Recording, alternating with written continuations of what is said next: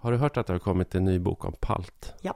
ja. Har du det läst den? känner jag till. Nej, jag har Nej. inte läst den, men jag har läst om den. Ja.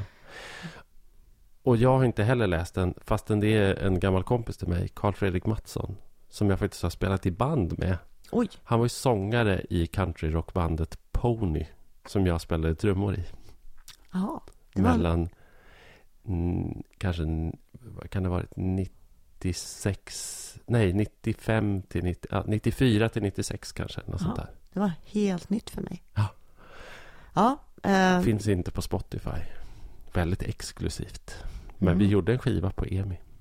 Men hur som helst så Carl Fredrik, eh, han har sen eh, utmärkt sig som, han var ju den som gjorde det här horkarsmyntet. Mm. Eh, ja. Ja. Och nu har han då skrivit en bok om palt. Men det var en sak jag reagerade på, för jag lyssnade på eh, det här programmet Meny med Thomas Tengby och då var Carl Fredrik gäst. Mm. Och då pratade han om paltgränsen. Och det här kanske vi har haft uppe tidigare. ja, vi har ju pratat en del om... Men om, han menade att den gick mellan Örnsköldsvik och Härnösand. Ja, men det kan nog stämma. Någonstans där i, i norra delen av Ångermanland. Ja, Därför att söder om det gör man ju kams. Så är det ju. Det är så det är. Söder om det äter man kams. Eh, Men sen finns det ju en annan gräns som bland annat Mikael Niemi har skrivit om. Eh, Han har ju skrivit en fin dikt om palt som jag inte kan recitera nu. Men han med, med hävdar ju då att fläsket ska vara på sidan. Mm. Det är bara sörlänningar som har det i. Och det vill säga, det är i pitepalten bakar man ju in fläsket i palten. Ja, just det. Men det är ju alltså då enligt eh, norrbottningarna, eller ja, eh, tornedalingarna, sörländsk eh, palt. Ja, de har fläsket på sidan. Och om man då läser Mikael Niemis paltrecept Mm. så är ju det mycket snarlikt kamsen. Som man då äter söder om paltgränsen. Och som inte heller har fläsk i. Nej, nej. Nej. Nej, det har man på sidan. Ja. Och är det också riven potatis? Ja, Ja. Och den är inte kokt och det är inte tillsatt. Men är det tillsatt mjöl eller? det, ja men alltså det är ju mjöl. Det är mjöl Det är det ju i potatis. kams och palt. Ja. Och, ja. Men inga ägg eller? Nej, mjöl, potatis, vatten och salt. Ja. Mm. Eh, men, men det där, vi försökte ju reda ut det där Ja. och kom ju fram till att det mer eller mindre så är det en språk eh, en språkskillnad, som Ja, en dialektal skillnad snarare än skillnad i själva rätterna. Därför att även kamsen har ju jag konstaterat skiljer sig åt hur man lagar den och vad man Ja. äter till den beroende på om man bor vid kusten eller i Jämtland eller Härjedalen. Och så. Precis. Mm. Och så är det ju med palten också. Att den görs i olika varianter liksom. Mm. Själv skulle jag ju säga att pa- pitepalten påminner ju mer om kroppkakor i min värld. Det är ju nästan samma sak. Ja, fast det är det ju inte. För kroppkakor görs ju med kokt potatis med tillsatt eh, mjöl och ägg. Så att den har ju liksom en mycket... Den har ju egentligen kanske mera gemensamt med italiensk gnocchi. Ja, det kanske den har. Ja. Eller ja, knödel och spätzle. Och det Men det är just det här, in, det här inbakade. Att man Ja. bakar in Fläsket. fläsket. Ja. Det gör man ju i kroppkakan. ja, jag gillar ju kroppkakor mer, måste jag säga. Jag vet att det får ju mig framstå som ytterst knapse. Ja. Jag vet inte, får du vara med i den här podden? Jag vet inte. Härmed diskvalificerad.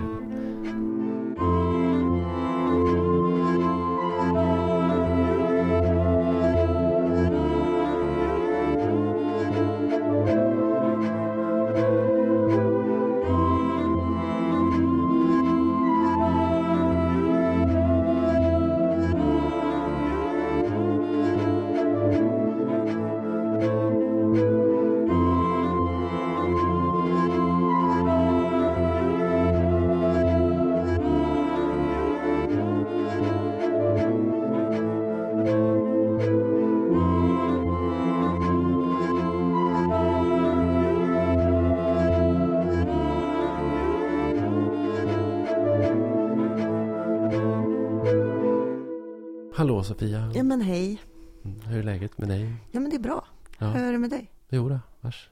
Ja. Gick det bra att köra? Ja, ja det, tråkigt grått väder Ja, är det ja, idag. Ja. Dimma och sådär. Men Vi hade snö och så försvann den och sen blev det grått. Ja. Nu är det typiskt november, liksom, kan man säga. det kan vara vitt och fint i november också. Jo, Men, men det kan man nog inte räkna med kanske. men du, vi, vi fastnar inte här och pratar väder. nej, okej. Mm. Nej, vi, ska, vi, har, vi har eh, många ämnen. Ja, Eh. det är länge sedan. Vi- vi- Det har varit väldigt Mm. glest här på slutet. Så Ja. vi ska försöka hämta igen det. Ja. Mm. Ja, det lär vi göra. Och eh, vi- vi- ska vi börja längst ut då? Eh, Kiruna. Ja, precis. Och vi ska inte bara prata eh, politik som vi gjorde sist i valspecialen. Utan Nej, vi, men vi, varvar. börjar ändå med precis. lite politik. För det händer ju faktiskt väldigt intressanta saker i Kiruna. Man skulle väl kunna säga så här också. När vi gjorde vårt tidigare avsnitt om, om valet Mm, så var det ändå så pass tidigt efter valet. precis, så man visste ingenting. ingenting var klart. Alltså, vi har fortfarande ingen regering, men det var ju alltså det var ju inga kommunstyren heller Nej. nästan som var klara. Men nu börjar det, Precis, och Ja. Kiruna får ju ett nytt, eller har fått då, ett nytt kommunalråd. Eh, som är en gammal bekanting. Eh, jag vet inte om jag har pratat om honom i podden. Men jag har ju haft med honom. Du kommer ihåg den här eh, dokumentären jag gjorde, Järnburen. Och som, ju, som man också kunde lyssna på i Ja. den här poddkanalen förra vintern. Eh, där var ju han med. Eh, han heter Gunnar Selberg och han är då ledare för eh, Centern i Kiruna. Och som skiljer sig så pass mycket från Centerpartiet Riks så att de ju generellt kallas för Kiruna-Centern. Och skiljer sig dessutom så pass mycket så att Centerpartiet nationellt aldrig gör egentligen ett stort väsen av att eh, liksom Kiruna är den ort där Centern är som störst i hela landet. Eh, alltså jag tror att de fick runt 35 procent i både förra och galet i både faktiskt. förra valet och det här valet. Mm. Men det som har hänt nu är att Gunnar Selberg då har lyckats samla en tillräckligt stor majoritet kring sig för att kunna ta makten från Socialdemokraterna i Kiruna. Vilket ju är en ganska stor grej, även om jag menar, det, det har ju inte varit socialdemokratiskt alltid i Kiruna. Eh, men det eh, undantag som har funnits, det är ju vad jag vet faktiskt bara Lars Törnmans Kiruna-partiet som ju styrde kommunen. Ja, och det måste väl ändå ha, kunna sägas ha varit väldigt rött. Ja. Alltså Kiruna eh, är av tradition väldigt rött. Och Törnman var ju en avhoppad sosse, Mm, mm. vilket ju inte Selberg är. Selberg är ju en, en annan eh, karaktär. Liksom. Men, men vad är det eh, i hans, hos honom då som lockar Kiruna-borna? Alltså han är, ju, han är ju på något sätt den lokala eh, populisten, verkligen. Eh, han är turistentreprenör. Jag tror faktiskt också att han är gammal beteendevetare. Alltså mitt intryck, jag har ju träffat Gunnar flera gånger. Han är en ganska vild person.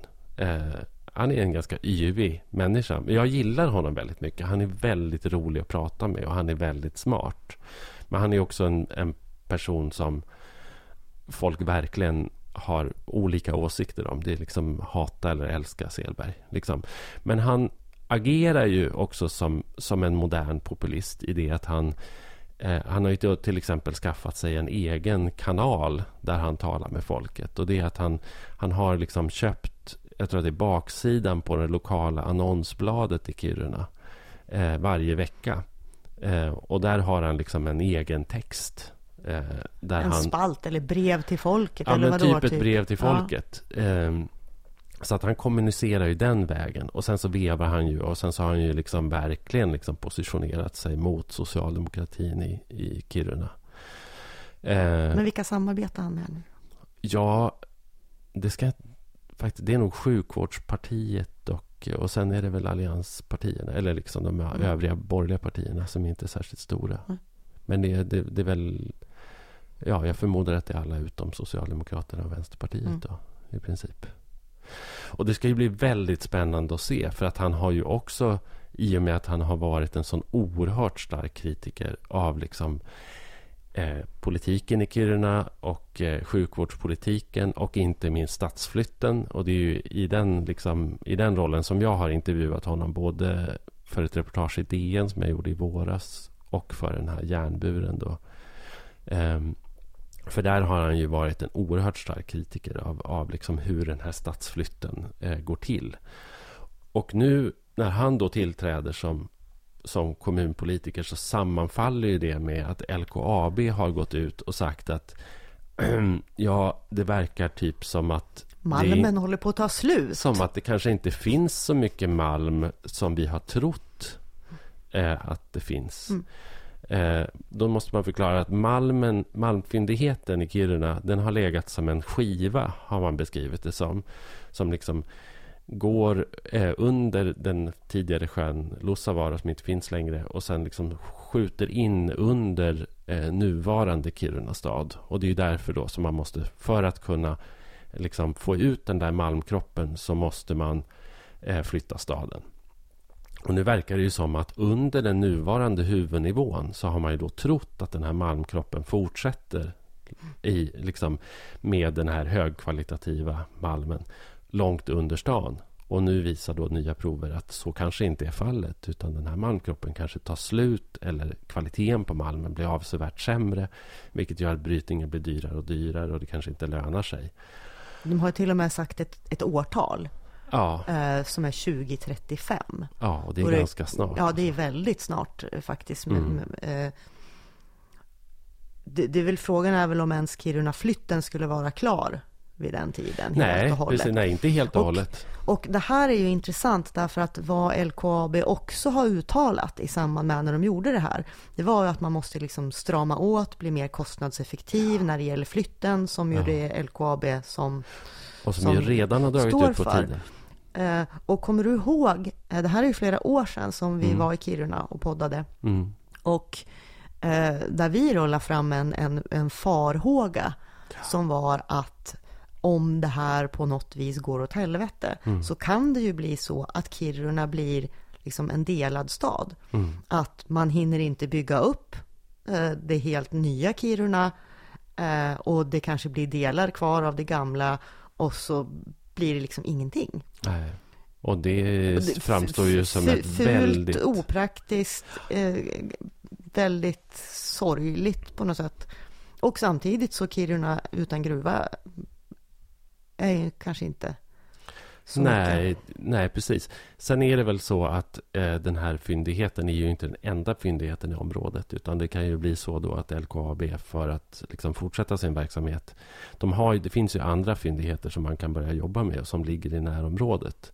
Men då kommer det också bli strider såklart om dem och om brytningen av dem och liksom hur det inkräktar på renskötsel och Ja. eh, det blir markfrågor och sånt där. Så att Alltså det är ett oerhört komplicerat läge. Och den här stadsflytten då, den har ju nu, alltså nu har ju, man har ju rivit en del. Eh, man har tömt en del hus som väntar på rivning. Man har eh, också de här fina Erskine-husen vid torget. Eh, har ju LKAB köpt eh, av bostadsrättsinnehavarna som nu bor på rivningskontrakt med väldigt kort uppsägningstid. Eh, så att hela stan är ju på något sätt förberedd för rivning. Man har tömt stadshuset Mm. och det nya stadshuset har, flytt, har då öppnat i, i den nya stadsdelen. Eh, och eh, den stadsdelen är ju på väg att byggas. Och där har det ju också gått jättelångsamt och inte funkat alls som man tänkte. Eh, man hade då förväntat sig att på något sätt att marknaden skulle lösa den här stadsflytten automatiskt genom att olika byggbolag skulle komma dit och bygga varsitt kvarter. Eh, vilket de ju inte har gjort.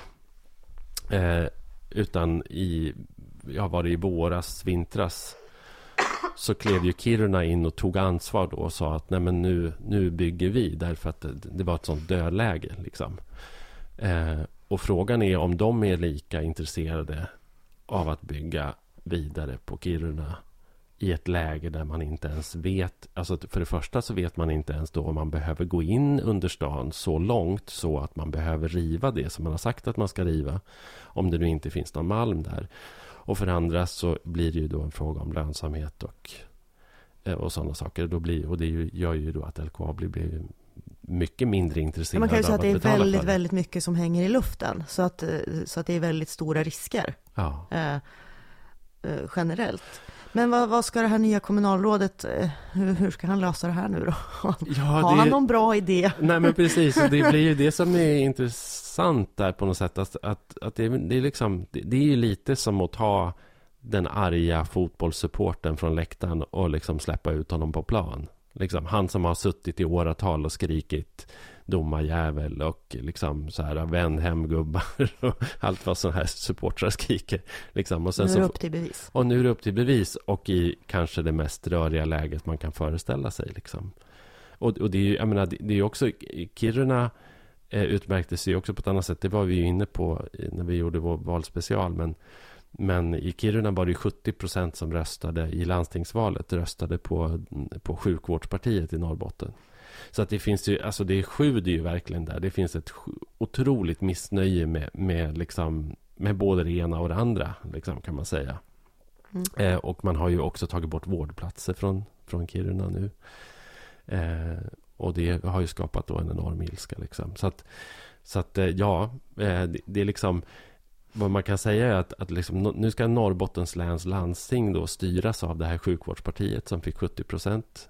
Eh, och eh, Kiruna stad ska styras då av, av den här eh, arga liksom, lokala populisten som, som ska på något sätt göra någonting nytt eller göra någonting annorlunda. Spännande tider. Mm. Det finns nog anledning för uppföljning där tror jag. Mm.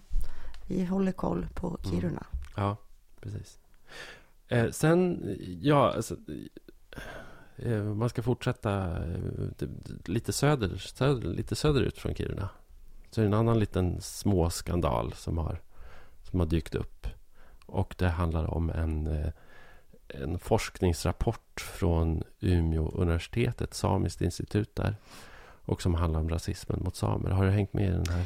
Eh, jag har inte hängt med helt och hållet, men jag har lite koll på vad det handlar om. Mm. Eh, eh, alltså framför allt så var det väl att jag minns när det liksom basunerades ut att nu har det kommit en ny forskningsrapport här från Umeå universitet och den visar att två av tre samer har utsatts, utsatts för, rasism. Ja. och det var liksom huvudtesen.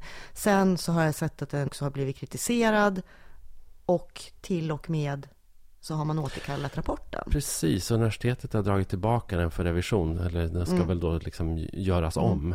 Eh, och den här, den här att två tredjedelar har utsatts för rasism. Det, det tror jag, och, och det, det ligger till grund också för den här rapporten på något sätt. Och det var en webbenkät. Och det är väl också en av de saker som har kritiserats. Att man kan inte riktigt utgå ifrån en webbenkät. Kanske inte så vetenskapligt. Nej. Och, och det, som, det som den här eh, rapporten också då kritiseras för. Eh, det, ja, jag, har, jag, har, jag har skummat den. Mm. Jag har, inte läst, jag har inte läst den hela. Jag uppfattar, bara av att skumma den så uppfattar jag själv att den är ganska problematisk.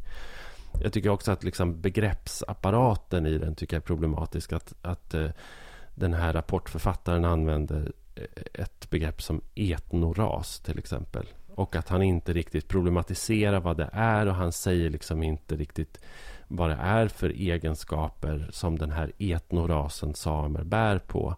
Och han problematiserar inte heller det faktum att de här 55 000 personerna i Sverige som är samer också är en väldig massa andra saker vid sidan av att de är samer de är ju då framförallt också svenskar och de är kvinnor och de är män och de är bögar. Ja, och de, alltså och så... de är mm. liksom ingenjörer och de är liksom vad som ja, helst. Men, men i kritiken, det var ju så pass anmärkningsvärt som att eh, den här Hjelm då från Umeå universitet ja, också påstod en historieprofessor. Ja, precis. Eh, säger att, att i princip så håller ju den här rapporten med Björn Söder eh, när han säger att samer inte är svenskar. Nej, Och det precis. är ju minst sagt problematiskt. Eh, nu har inte jag läst rapporten, men om jag litar på, på dig och den här professorn då, så... Ja, men precis, därför det, det som skymtar fram är ju på något sätt då någon slags tanke om att samer som folkgrupp då har en slags nedärvd sans. Eh, och att den då inte på något sätt skulle vara förenlig med eh, den nedärvda svenska essensen som ju, menar, som ju mm. inte finns. Liksom. Så Nej. varför skulle det finnas en nedärvd samisk essens? Och att samer bara av sig själv rent genetiskt bär på någon slags kunskap då. Och det, det som är allra mest problematiskt är ju då liksom att det blir lite som att slutsatsen i rapporten är att eh, menar, du är ju till exempel då, vad är du, 16 sam? Ja, någonting. någonting. Jag vet, sånt. det finns Men, samiskt. men, om, ja. du, men i, i, om, om man skulle liksom följa linjerna i den här rapporten så blir det som att alla kränkningar som du blir utsatt för i ditt liv eh, beror på detta. beror på att du är 16 same. Inte att du är kvinna, inte att du är liberal ledarskribent, inte att du är jobbig. eller, liksom, eller, eller så. Liksom. Utan, utan, det är, utan det är bara på grund av detta. Liksom. Och, och så, så kan man ju inte riktigt räkna. Liksom. Det är så otroligt problematiskt känner jag också med tanke på att det de facto existerar Ja. är väldigt grov rasism mot eh, samer. Ja, Eh, och, och, och generellt när man pratar om rasism och, och det övergår i att börja använda sådana här begrepp och prata om mm. ja, men etnoral. Jag har aldrig ens hört nej. ordet. Att, att det blir det, det blir så kontraproduktivt. Alltså saken i sig är viktig. Det är viktigt att prata om diskriminering. Det är viktigt att prata om rasism. Men när det då kommer en rapport som är oseriös, som det upplevs på det här sättet, Mm. så blir det ju också svårt att få gehör för den faktiska problematiken om man försöker ta upp den. Jo, men det blir ju lite kontraproduktivt. Ja. För samtidigt så är det ju faktiskt så att Sverige har fått förnyad... Och det var ju inte särskilt länge sedan de fick eh, kritik igen från, från FNs rasdiskrimineringskommitté eh, mot sitt hanterande av, av samer. Och som ju är eh, kolonialt och Mm. som är i, liksom, i grunden också rasistiskt. Ja. Eh, Och, där- och, nu, och då pratar vi inte heller om det här bemötandet som samer får på gatan, utan nu pratar vi om hur svenska staten hanterar Ja. eh, Och samefrågan. det, och det där hänger ju Mm. ihop därför att svenska statens problem och det som svenska staten får kritik för det är ju hur, hur man hanterar markfrågor primärt. Men det ligger ju väldigt mycket liksom rasism och gamla föreställningar inbäddade i den statliga politiken. Och det är det som gör det så, så vidrigt. Liksom. Ja, och, och det sanktionerar ju också vardagsrasismen Ja, eh, som, som samerna Verkligen. eh, möter. Eh, där de, ja, framför allt då de samer som lever i norra Sverige, alltså i som, Sápmi. ja. som är aktiva Ja, i Sápmi ja. kan man säga. Ja, därför att eh, i och med att staten inte liksom tillmäter den gruppen deras rättmätiga behov utan av att, eh, jag menar, i, i debatten så framstår det som att samer då har ett antal privilegier eh, istället Mm. för att det är liksom rättigheter. Eller, eh, Ja, sen är det ju ändå så, de får ju kämpa och slåss verkligen Ja. för dessa så kallade då privilegier. Nej, men för Ja. de här rättigheterna som de har som urfolk. Mm. Som att bedriva rennäring. ja, Eh, Det pågår ju fortfarande den här Girjas eh, mm. Ja. Den ska upp i högsta Den ska domstolen. upp i högsta domstolen. Eh, Och det är ju en markstrid liksom. Mm. Eh, Så att det är ju inte, eh, det är väldigt svårt att, att, påstå att samerna på något vis skulle ha det lätt. och, och ha möjlighet att köra över eh, omgivningen på något sätt. Nej, är men ju, inte på något sätt. Alltså verkligen men det är inte. så det framställs Ja. ofta då. Och då skulle jag säga så här, det här är också faktiskt en det här är också faktiskt en konsekvens. Jag tror att den här, den här rapporten, den, om jag förstår saken rätt, så är den liksom beställd av Kulturdepartementet. Alltså, och den är då bestämd... Den är beställd av Alice Bah Kuhnke. den är beställd av Alice Bah Kuhnke och som ju då i förhållande till Ja, nu är den här en övergångsregering då, men i förhållande till då landsbygdsminister Sven-Erik Bucht. Sven-Erik Bucht har ju hand om näringsfrågor som gäller samer. Och Alice Bah Kuhnke hand om kulturfrågor som gäller samer. Det vill säga kränkningar och liksom kulturella uttryck och slöjd och musik Ja. och identitetsfrågor och sådana saker. Och, och då är det så att och hon är ju aktivistisk till sin läggning. Liksom. Ja, och s- inte minst när det gäller samerna. Så, och det är ju jättebra. Men problemet är ju att det är inte riktigt där... Alltså, så här, det, det finns alltså, så, alltså verkligen ett solklart problem där också. Men det absolut största överhängande problemet är ju statens näringspolitik och hur den slår mot den samiska gruppen skulle jag säga. Och det är det som Sverige också får internationell kritik för. Så det här blir ju lite olyckligt. Och då känner jag också på något sätt att att den här aktivistådran hos henne då som liksom har gjort att den här rapporten då har beställts och utförts av en annan då samisk aktivist som när man googlar hans namn det första man får upp är en bild på en person som står på en utställning som handlar om det queera Sápmi i en tröja med en knuten näve som det står Sápmi Resistance på. och det känner jag också, det är lite som att man skulle be typ så här, Linnea Claesson skriva en inlaga om eh, vad ska vi säga, trakasserier på nätet och kalla det för en vetenskaplig undersökning. Så att man kanske måste hålla isär de här sakerna lite mm. grann. Och det, det, kanske inte är egentligen en samisk eh, queer-aktivist som ska skriva en vetenskaplig Nej. rapport. Jag, jag, måste få fråga dig, för jag tycker ändå att det här är intressant. Här har ju diskuterats inte bara när det gäller engagemanget eh, för, för, samer, eh, men Alice Bah Kuhnke, ja. hennes aktivism. Mm. Hur, hur, vad har du för inställning till den? Liksom? Hur, hur känner du inför den? Ja, men vi har ju pratat, har vi inte haft uppe det tidigare? Har vi diskuterat ja, just eller, hennes aktivism så? Vi har väl nämnt att hon engagerar sig, ja. men jag vet inte om vi har problematiserat det i podden. Jo, men jag, jag tror att vi pratade om det när det gällde, för vi hade ju uppe med den här, den, den, eh, alltså den här kåtan som brändes, brändes ner av Kronofogden. Ja, då Och då var ju hon ute och vevade mm, mm där mm, också, mm. vilket hon fick kritik för. Mm. Därför att en minister ska inte vara aktivist. Men då, men då har jag ett minne av i alla fall att jag försvarade hennes hållning. Just därför att, just därför att de här rollerna är så uppdelade. Att, och att hon blir ju i någon mån väldigt maktlös i de här frågorna. Men hon är ju det. Och det kan jag också tänka att, att det kan vara ett problem. Om man nu ser, eh, alltså jag tror det är väldigt många, till exempel unga kvinnor eller ja, liksom engagerade unga storstadsmänniskor mm. som följer Alice i, i, sociala medier och på mm. Instagram mm. och sådär. Och där får man ju väldigt lätt intrycket av att man lägger otroligt mycket energi på just Sápmi och samernas mm. rättigheter och samefrågan eftersom Alice är så engagerad i det.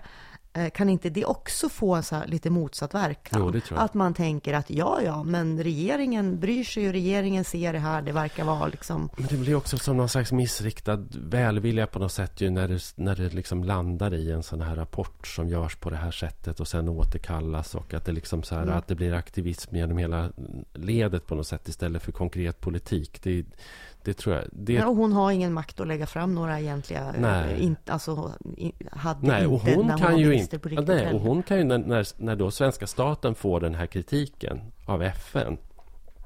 Jag menar, hon kan ju inte agera på det. Liksom, som då ansvarig för samefrågor. Och I och för sig så tror jag det är ju eh, Mikael Damberg ja, som kan men göra jag någonting. tror ändå att, nej hon kan inte agera på det, men hon kan ju tala på mm. regeringssammanträden. Mm. Det tror jag hon gör. Jag tror att hon kan vara riktigt, riktigt bråkig mm. eh, att ha eh, i regeringen. Jo. Så att hon, hon, som jag säger så här, hon låter inte övriga regeringen bara glömma bort det här. Eller Säk liksom inte notera. Det tror jag faktiskt. Säkert inte. Vi, um. vi var med i, eh, vi var med i Aktuellt en gång. Diskuterade mittmedia faktiskt. Mm. Eh, kärt ämne. Eh, men och då när vi satt i sminket innan och pratade om ditten och datten, då så sa hon att hon ju egentligen ville bli jordbruksminister. Att det var liksom så här att hon hoppades på att Löfven skulle ordna en regeringsombildning och att hon då skulle liksom bli att hon skulle få bli jordbruksminister istället för kulturminister. Oj. Sa hon i förtroende. Nu kan jag säga det, för nu är den här mandatperioden slut. Och det här var ändå ett tag sedan. Hon blev ju uppenbarligen aldrig det och skulle aldrig ha fått bli heller, givetvis, såklart. Men, men, eller ja, hon ville bli landsbygdsminister. Hon ville ha Sven-Erik Buchts portfölj, helt enkelt. Mm. Eh, och det, det, det har man ju väldigt svårt att se hur det skulle kunna hända i någon regering, egentligen, kanske.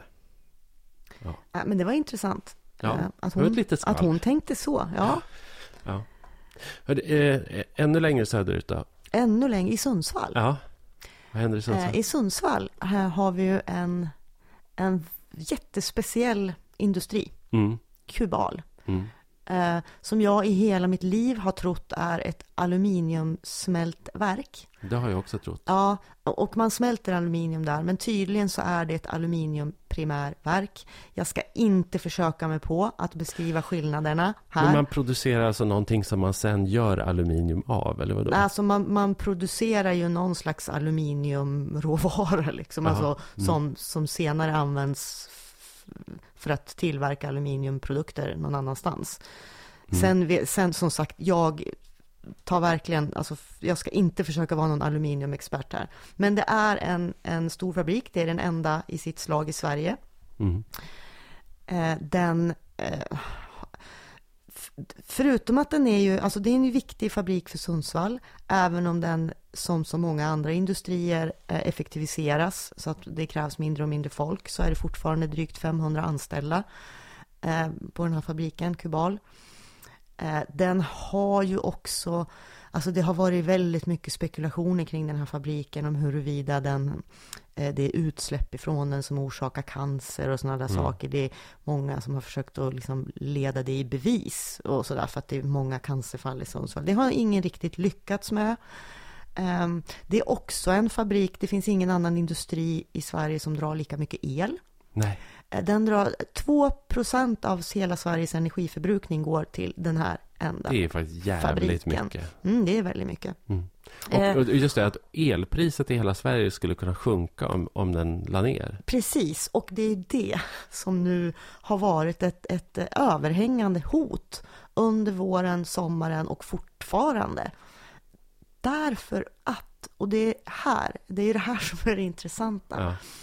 Ja. Eh, den här eh, fabriken köptes för några år sedan av en rysk oligark. Mm.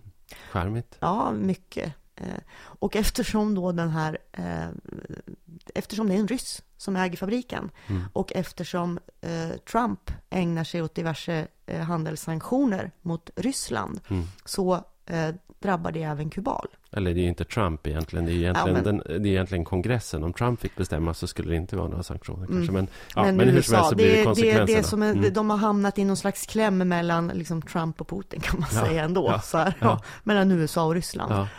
Um, och då är det så här dessutom, att det, det här är en, det är en jätte... Men går den ekonomiskt dåligt också? Nej, nej, nej, nej. nej. det gör den inte. Nej. Ehm, men den har väl, eh, den säljer väl mycket eh, till USA och sådär. Den mm. har väl mycket. Mm. Um, men den går jättebra. Det är, alltså, mm. det är en lönsam, mycket lönsam industri. Och så är det dessutom så här att nu har man ju haft då en, på grund av det här hotet eller liksom handelstull, ja vad det nu är, um, haft väldigt dålig orderingång. Mm. Och eftersom man har väldigt dålig orderingång uh, så har man ju också börjat fundera på Eh, eftersom man liksom inte har sett någon lön. Man har, man har på något sätt genom olika förhandlingar lyckats skjuta upp någon slags slutgiltigt beslut här. Mm. För grej, eh, saken är den också att om fabriken ska stängas ner så tror jag att det tar ungefär sex veckor. För att det är liksom så avancerade mm. procedurer mm. i, i den här fabriken. Och om man skulle så att säga pausa mm. pausa för att invänta eh, mm. besked eller förändring eller nya eh, avtal så skulle det ta ett halvår att starta upp den igen. Mm. Så det här är ingenting man kan göra i en handvändning. Och eh, man har haft något slutdatum som har varit typ i slutet på november. Så mm. har vi inga fler ordrar, så då måste fabriken stängas ner. Mm. Och då måste vi börja göra det nu. Eh, men sen har det ju här tagits ändå till högsta politiska nivå och man har lyckats skjuta upp det och skjuta upp det. Så än så länge finns det ju inget nedläggningsbeslut, men det är en, det är en pressad situation. Det skulle vara ett hårt slag mot Sundsvall om vi måste stänga ner ja. Eh, den här fabriken. Det är ändå 500 arbetstillfällen. Jag tänker också så här att, att det är en sån, det är verkligen en sån symbol för för Sundsvall på något sätt. När man kommer söderifrån så, så är det ju, och särskilt nu med den nya E4-sträckan så är det ju liksom en så här monumental bild. Jag, jag, skulle mm. verkligen vilja ta den bilden men då måste man stanna på motorvägen. Det har jag inte vågat. Men det är ju liksom en... Man ser den här eh, Sundsvallsskylten liksom vid vägen. Precis liksom så när man passerar gränsen till Sundsvalls stad. Och då tonar de här stora skorstenarna upp. Mm. Fem upp stora där. skorstenar. Fem stora skorstenar. Jag tycker också att det är roligt för de har en konstnärlig utsmyckning som jag råkar veta då är betald av Statens konstråd. Där mm. en konstnär fick i uppdrag att... att Belysningen. Då, att ordna, och, och, då är det två saker. Det är dels så är det en belysning som är, de är randiga i olika färger. Som nej, skiftar lite. Nej, utan eller? det är som att varje torn har, har liksom färg. högst upp en färg som tänds då när det blir mörkt. Ja, ja. Men sen har konstnären också bestämt att det ska vara stora skyltar där det står aluminium. Mm. Vilket jag tycker är ganska så här... Mm, no. jag vet inte, en rolig grej. Jag vet inte. Men, mm. ja. Jag minns när Men- de invigde det där, de där Ja. belysningarna. Det är inte bara, det är inte bara där, utan Nej. det är ju även närmare hamnen. Ja, just det. Eh, finns det andra, Mm. annan belysning på andra skorstenar. Men samtidigt kan jag ju tänka liksom att, att den där typen av industri känns ju så otroligt jag menar, o, icke miljövänlig. Den förbrukar så fruktansvärt mycket energi. Aluminium är inte en särskilt sympatisk metall. Eh, liksom, och att, eh, att vi då ska liksom krama och värna en sån verksamhet känns ju också så märkligt. Men, men samtidigt är det ju så förknippat med Sundsvall och den här liksom, ikoniska Sundsvalls liksom, Ja, profilen på alltså något man sätt. kan ju, så här, jag kan ju säga att jag personligen eh, brinner väl inte för den här fabriken som så. Men det brinner för Eh, 500 jobb. Ja, men och sen är det ju inte bara 500 jobb, för den här, alltså, de har det. ju i sig underleverantörer och de levererar ju också aluminium till andra industrier i Sverige Mm. som behöver råvaran och som i och för sig kanske kan få tag i den på, på annat håll. Men det, det, det, det handlar ju inte bara om de här 500 anställda. Sen, sen kan jag i och för sig hålla med och tänka att det kanske är otroligt otidsenligt. Eh, Jag menar, om kanske inte alls så många år så kommer vi att tycka att det är jättemärkligt att vi hade den här energislukande fula jätten i Sundsvall. Vi kanske kommer att tycka det. Eh, Men det, det är också intressant.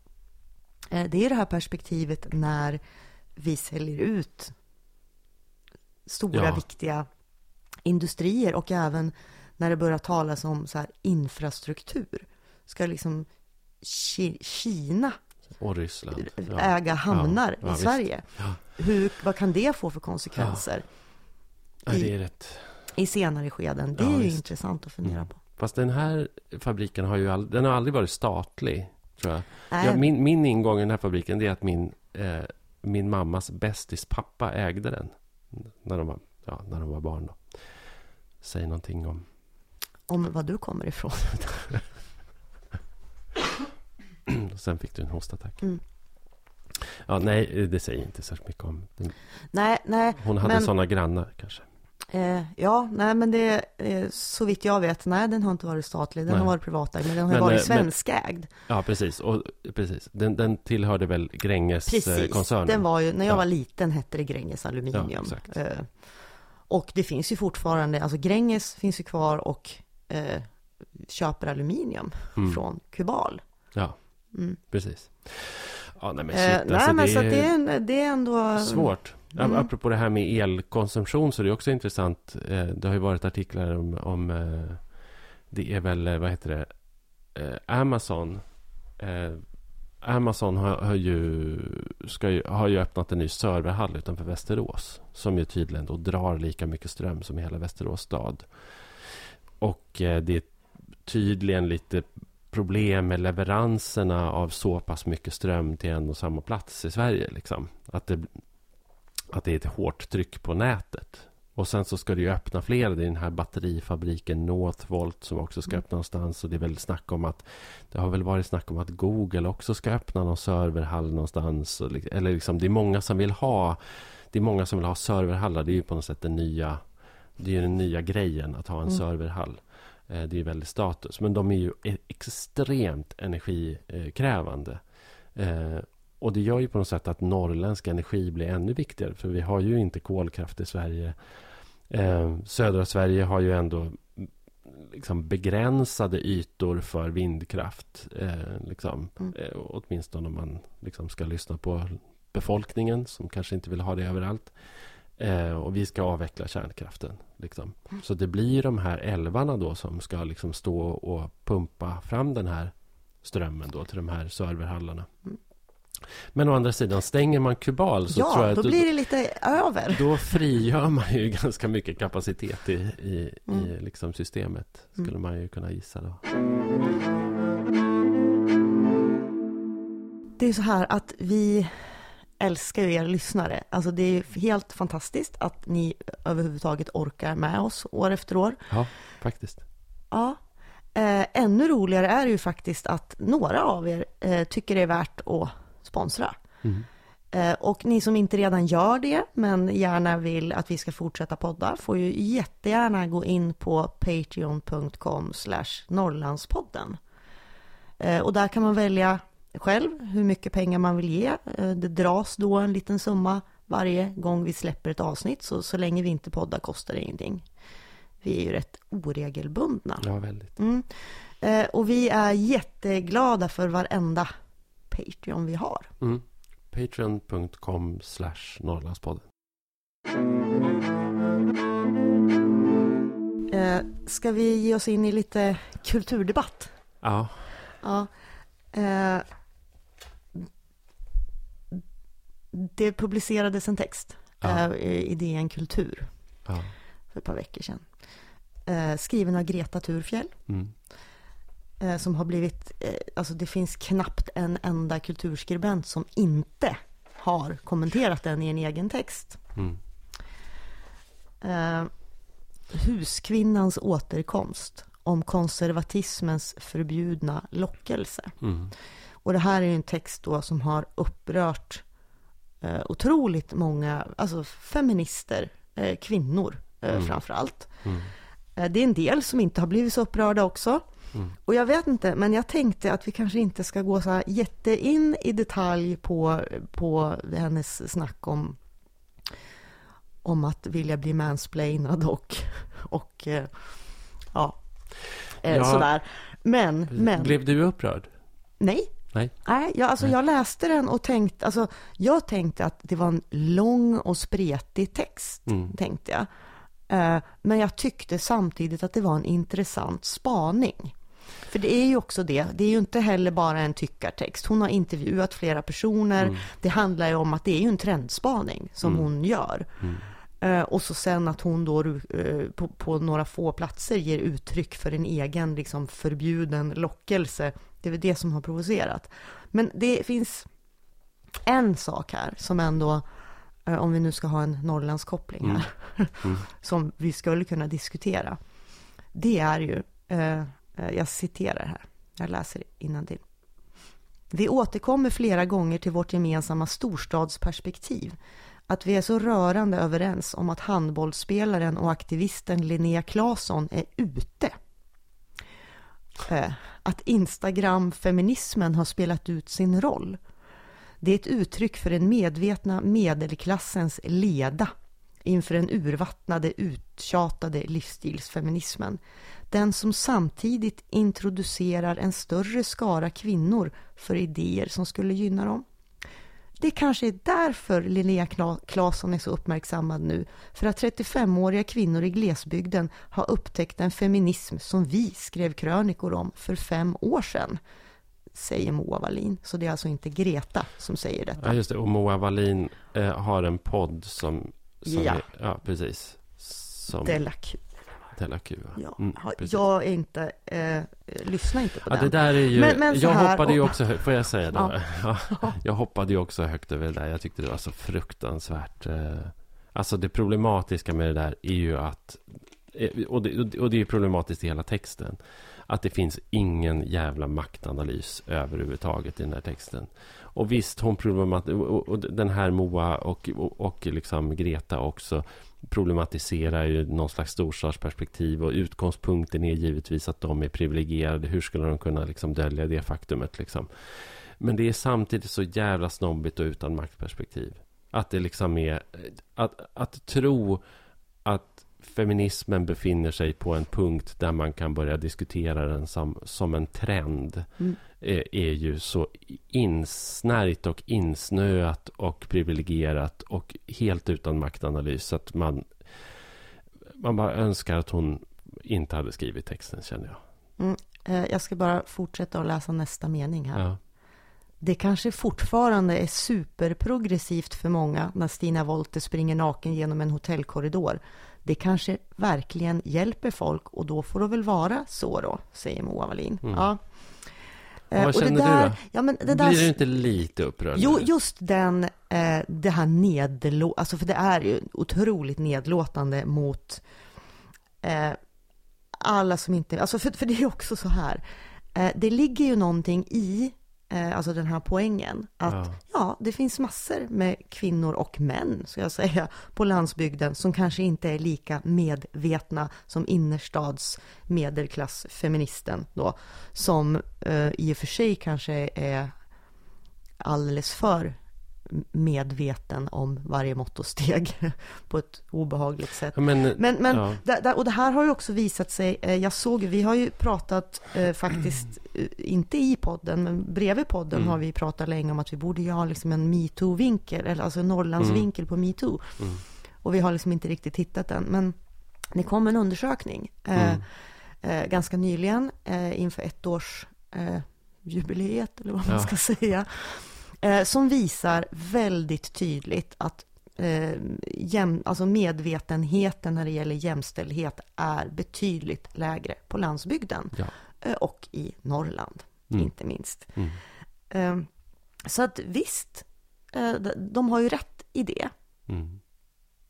att det finns oupplysta, oupplysta människor på landet som kanske behöver se Stina Wolter naken. Ja, Nej, men, fast det är ju det de dissar samtidigt. Ja, Och det är det de tycker är så otroligt lamt. Och de, och de tycker de vill ju absolut inte... Ja, de de vill ju absolut inte bli förknippade med Stina Wolters Nej, nak, själv nakendans är och de Linnea på det, men de medger ju ändå att det finns ett behov för de andra. Och då får det väl vara så Mm. då. Ja, och jag säger ju, det Ja. tycker jag är otroligt nedlåtande och, och alltså attityden i artikeln Mm. är obehaglig. Men jag tänkte att vi kunde koppla det till att prata om just att, ja, medvetenheten är lägre. Hur, hur får man den? Ja. Hur ökar vi medvetenheten om jämställdhet? Ja, för, för mig var den här artikeln plågsam. Jag ska bara säga det Mm. jättekort, för det har inte hit egentligen. Men för mig var den plågsam också. Greta Thurfjell är 24 år gammal och får skriva en stor, liksom, eh, resonerande kulturartikel med delvis problematiskt innehåll. Liksom. Eh, och det gjorde jag själv i DN när jag var 24 år gammal. Mm. Och när jag tänker tillbaka på det nu, liksom, på den 24-åringen och som gavs det mandatet att på något sätt ta den platsen och problematisera samtidsproblem eh, och samtidsfenomen liksom på, med det utrymmet. Trots att man faktiskt inte riktigt... Och det här låter ju superilla såklart. Och, och som, eh, men hon vill ju bli mansplainad. Hon skriver ju det. Så att, då kör jag väl på då. Men, men att, att jag mansplainar mig själv också som 24-åring lika mycket. Men man är inte riktigt där känslomässigt eh, och liksom intellektuellt när man är 24 år gammal. Nej, så, fast nu är du lika nedlåtande mot henne och mot Nej, men jag är- 24-åringar Ja, som hon är mot- mot lantisar då. och mot mig själv Mm. också. Mm. Alltså därför, därför att jag, jag, jag, kan, jag kan tycka att det är lite dåligt redaktörskap. Jag, jag, jag är helt för att man ska få liksom eh, prov, provtänka och tänka Ja. högt och testa saker och sådär. Men jag, jag tänker också kanske att den här texten också hade liksom haft nytta av att någon av alla de kloka seniora feministerna på DNs kulturredaktion som ju faktiskt jobbar där och som liksom har gått igenom liksom både andra och tredje och fjärde vågens feminism och liksom kanske hade kunnat sitta ner med den här 24-åriga tjejen och diskutera det här därför den Fast det typen tror av jag de har gjort. den typen av redaktörskap hade jag velat ha när jag var 24 år och, och liksom gavs det utrymmet. Att, att det satte sig ner någon med mig, någon som var senior och liksom sådär. Men jag vad, tror vad tänker att de du har om gjort det här? det. Jag tror inte att, alltså jag tror verkligen att de har gjort det. Sen har de ju också skrivit, jag menar hon har ju blivit bemött även på DN Kultur av kollegor för den här texten. Jo, jo. Och, men, och ja, ja, det har inte hit egentligen. Ja, det var bara... Det, var bara, det, var, ja, jag det, förstår. gav, det gav mig någon slags eh, kallsvett lite grann. Jag förstår. Liksom den ty- och, det- jo, en sak har ju förändrats jättemycket. När, när jag vevade på då, liksom som 24-åring i, i DN, så fanns ju inte hela liksom... Internet. Det, finns, det fanns inte internet. Det fanns inte liksom... Alltså frågan om trafik och klick och klick var ju eh, liksom... Eh, det, det, det fanns inte ens i framtiden på den tiden.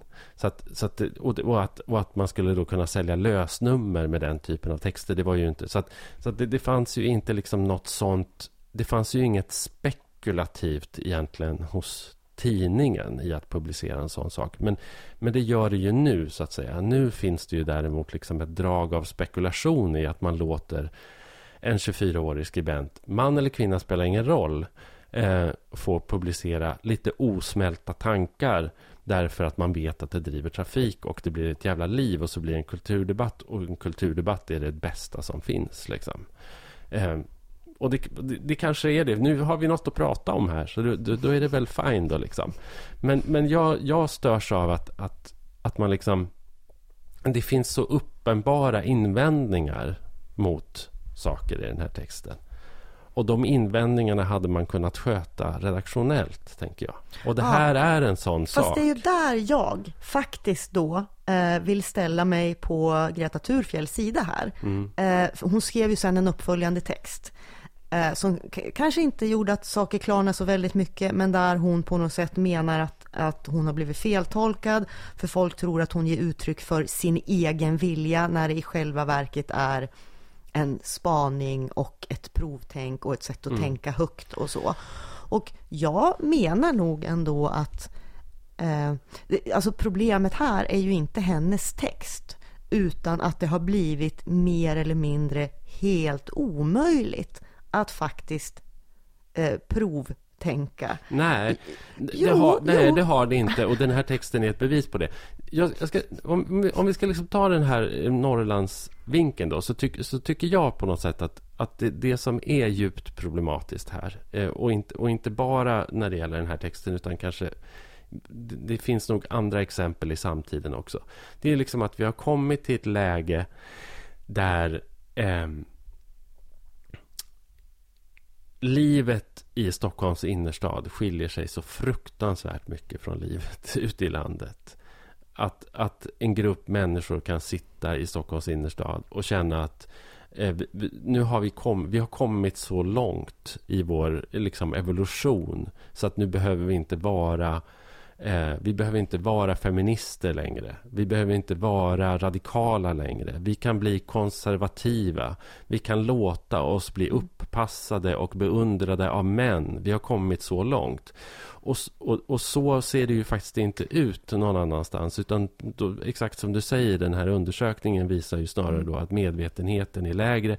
Färre och färre. Det? Antalet svenska män som, som kallar sig själva feminister är hälften så stort nu som i den tidigare undersökningen. Som 2014. Som 2014. Vi är tillbaka nere på typ 1978 års nivå ja. eller något sånt där. Ja, precis. Och att då överhuvudtaget liksom skriva en sån här text utan att, utan att det är det som är huvudsaken kan jag tycka liksom är. Därför det är ju någonstans är det ju det som är huvudsaken. Att de geografiska, kulturella, sociala, ekonomiska klyftorna i Sverige har vuxit så pass att en 24-årig tjej med fast anställning på DN sitter och skriver en sån här sak. Samtidigt som den här undersökningen visar då liksom mm. Eh, en men, annan verklighet. Men det det ändå har lett till, ska vi ju säga, det är ju ändå en lång rad artiklar som verkligen också har sagt emot henne, som har, eh, alltså det har skrivits eh, fler artiklar på grund av den här texten mm. eh, på bara någon vecka än vad jag har sett på ett år. Ja, ja. När det, gäller, ja, när det mm. gäller att grundläggande förklara feminism, jämställdhetskampen, vart vi står eller inte står mm. idag och där man faktiskt talar om för Greta Thurfjell att ja, du kan skriva det här därför att du har råd. Därför att du kan när du vill liksom vända tillbaka till ditt, alltså för du behöver inte välja. Nej. Så.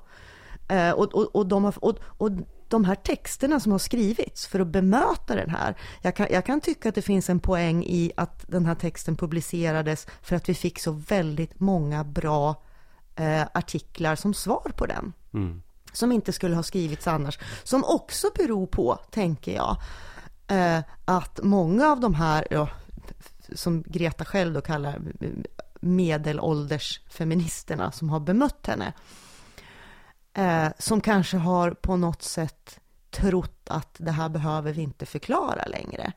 Alltså som också har varit i den här eh, inner Stockholms eh, upplysta tillvaro och trott att det är klart Men tack vare Gretas text så måste de liksom förklara igen. Ja. Så, så även om man kan tycka att Gretas text är dum eh, på många sätt så har den ju genererat en debatt som faktiskt har hållit ganska hög höjd. Jo då, fast jag tycker inte att den debatten har handlat om de eh, liksom sociala, kulturella, ekonomiska eh, klyftorna mellan stad och land. Eh, den aspekten tar vi upp nu och det är, väl, vårt, det är väl vårt jobb att göra det. Då, liksom. Eh, För det, det tycker inte jag har kommit fram. Jag tycker att den här, det, det citatet som du läste upp, eh, det har ju liksom... Det har ju inte... Det, har, det är ingen som har liksom fokuserat på det riktigt. Eh, för, för att, och det, det, det, sjuka är liksom det här viet som den här Moa ger uttryck för. Att vi tycker att Linnea Claesson är töntig. Ja. Eh, och, och att så här, det är ju helt självklart att vi tycker att hon är töntig. Men, men där, apropå den här undersökningen om hur många som kallar sig feminister, Ja.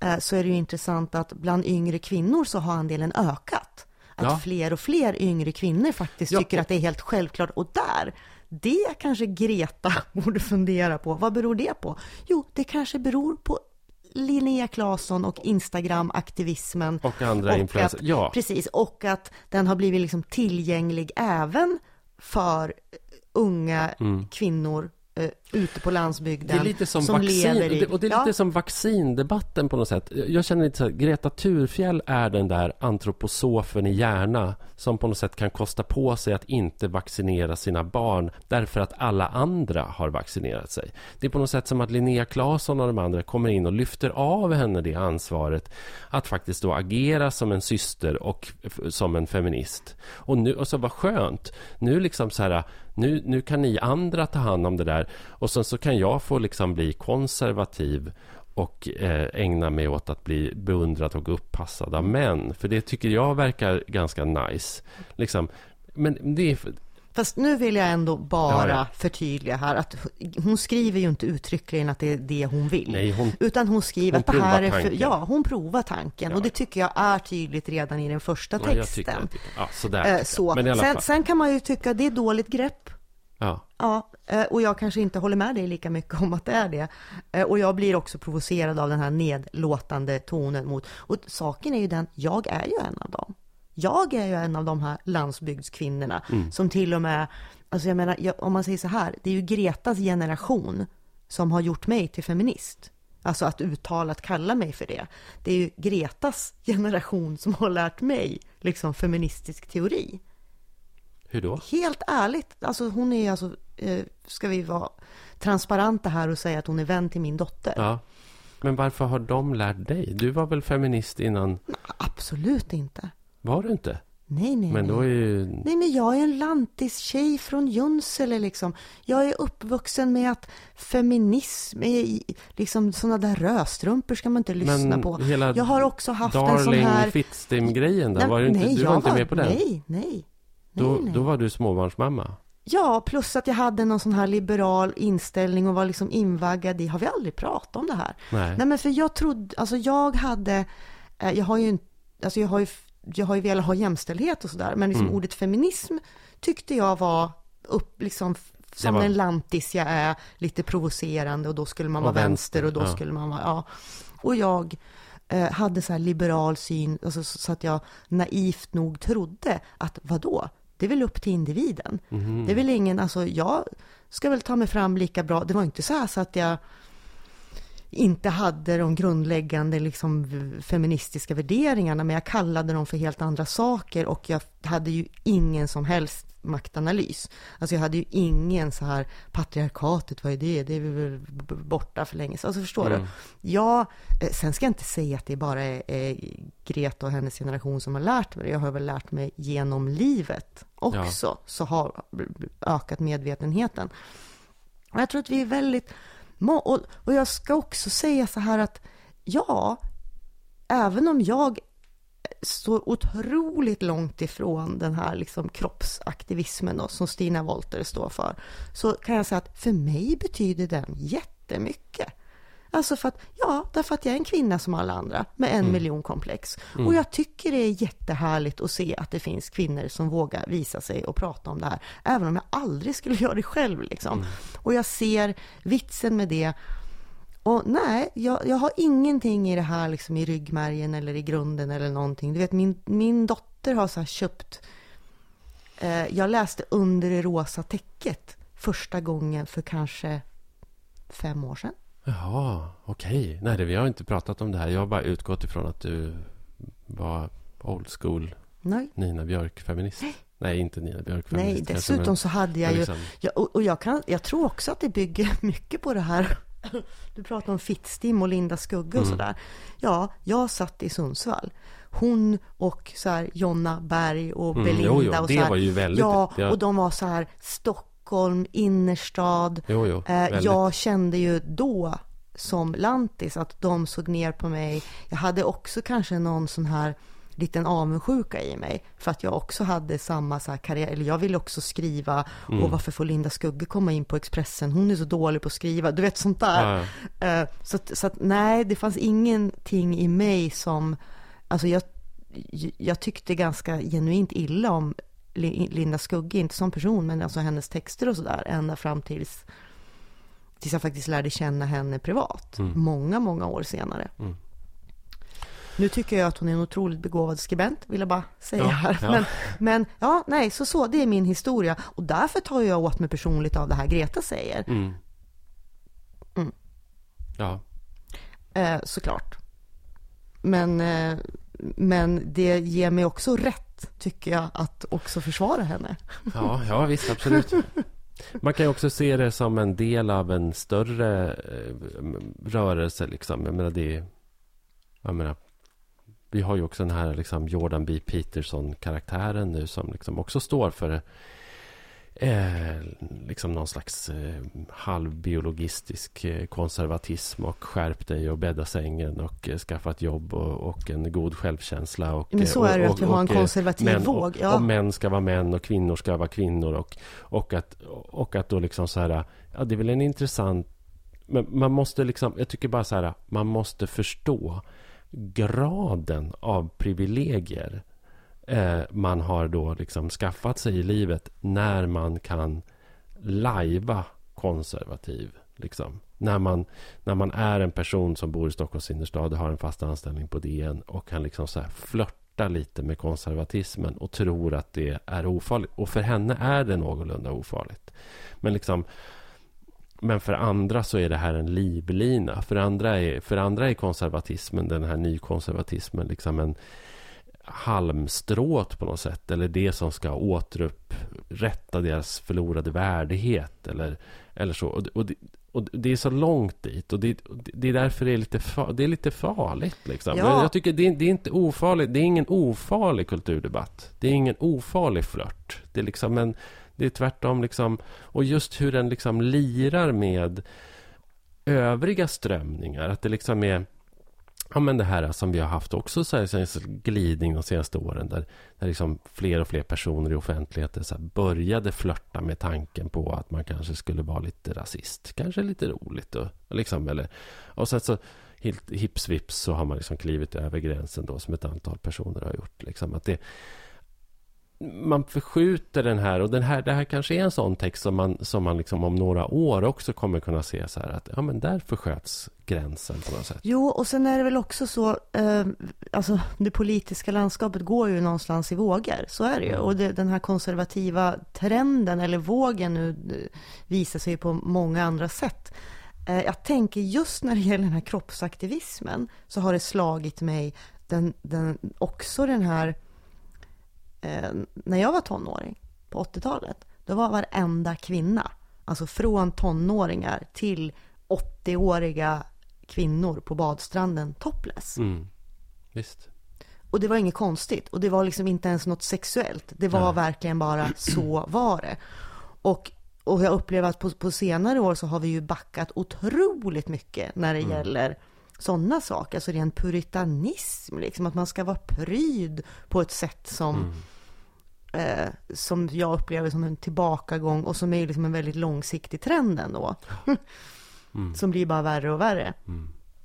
Eh, ja, Vi får eh, återkomma till det här känner jag. ja, Ja. eh, verkligen. Och avrunda. eh, Har du något kulturtips? Ja men alltså. Jag var på en riktig Norrbottens afton på Södra Teatern häromsistens. Matti Alkberg har gjort en, liksom en teaterföreställning kan man säga tillsammans med Norrbottens teater. Som han turnerar med nu. Som jag varmt kan rekommendera. Den är inte bra hela tiden. Den, för den är, det är Matti. Liksom. Och Matti är antingen helt briljant eller också, jag ska inte säga kass, men ganska jobbig. eh, och gillar också liksom när det är avigt och låter illa och sådär. Men i, i stora drag så är, liksom eh, själva grejen med den här pjäsen är, det är ju en musikteaterföreställning kan man säga. Men där Matti spelas av en kvinnlig skådespelare. Som liksom eh, läser hans texter och gör hans repliker. Och på något sätt är lite utklädd till honom. Och sen är ju Matti med och sjunger sina låtar. Men Matti har liksom nästan inga repliker. Utan, utan texterna eh, framförs av hans eh, liksom då, kvinnliga alter ego på scenen. Och det funkar oväntat bra faktiskt. Det, det är faktiskt eh, det är, det är roligt gjort. Det, det är bra gjort. En Och, eh, bli- upplevelse. Ja, och den kan rekommenderas som ett kulturtips. Eh, man kan gå in på nätet och kolla. Det är ju en turné som pågår. Liksom. Mm. Hade du då? Eh, Jag tänkte tipsa då om eh, Lars Bygdén. Sundsvallssonen. Sundsvallssonen Lars Bygdén har eh, släppt ett album eh, som heter The Dark Companion. Eh, och eh, han ska också spela på Södra Teatern. Mm. Eh, I slutet på november ska han Ja. framföra hela albumet. Eh, uruppförandet skedde i Sundsvall. Mm.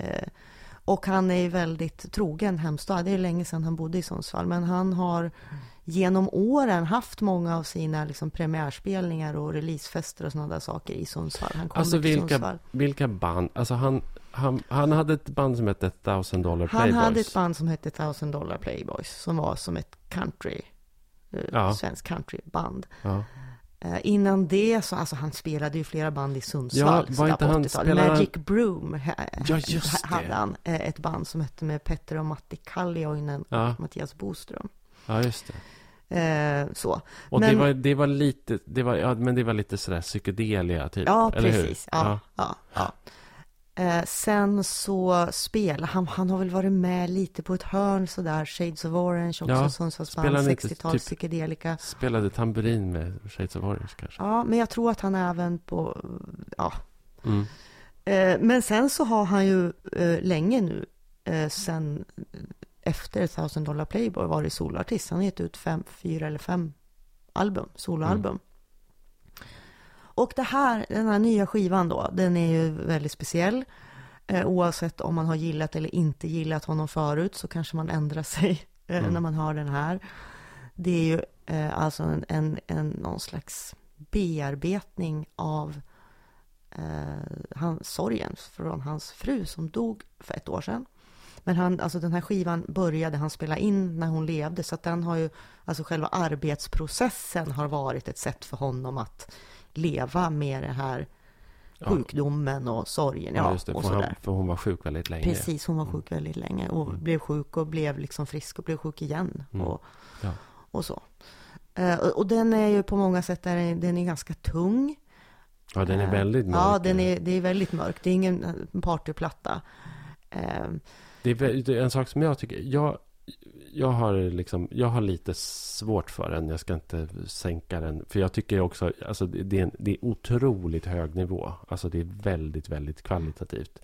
Sen är det inte riktigt min kopp te. Jag har liksom problem med harmoniken. Jag har problem med röstläget och, mhm. och sådär. Men en sak som jag tycker var helt hisnande vackert. Eh, det var ju stråkarrangemangen. Ja. Eh, som är gjorda De av, tänkte jag också som på. är Jag, gjorda av en, av en eh, folkmusiker. Ehm, och eh, som är så... Och som, och som också liksom för in ett folkmusikstråk i de här väldigt liksom molliga, mörka låtarna. Som jag tycker var jätteläckert.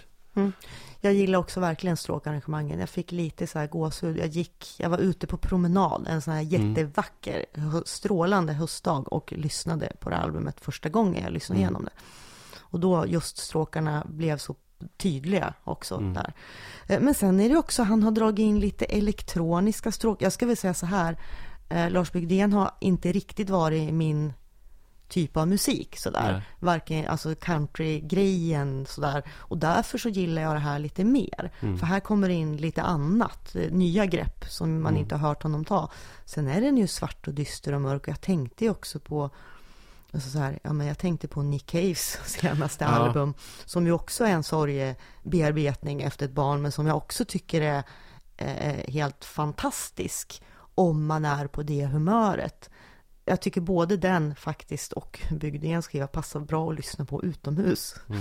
av någon anledning. Alltså, och det är ju en, en rimlig parallell, tycker jag. Mm. Liksom, för den Mm. låter ju lite så. Den Mm. låter, jag tycker också att den låter lite sådär... För mig klingar det också någonting så här lite Fields of Nephilim och eh, liksom eh, Sisters of Murder. Alltså det finns någon så här gammal goth eh, ådra i den och liksom också så här nå- något Metallica-aktigt sådär liksom över det här episka. Jag tänker väl framförallt att det är också väldigt trots allt liksom naket. Det är en Jo, så upp, uppriktigt liksom vrål. Liksom, Ja, ja, Sådär. ja. Eh, ja, så det eh, rekommenderar jag. Ja, vi, vi spelar en låt. I'm the one that hurts. I'm asking you to see me. Got ways to make it worse.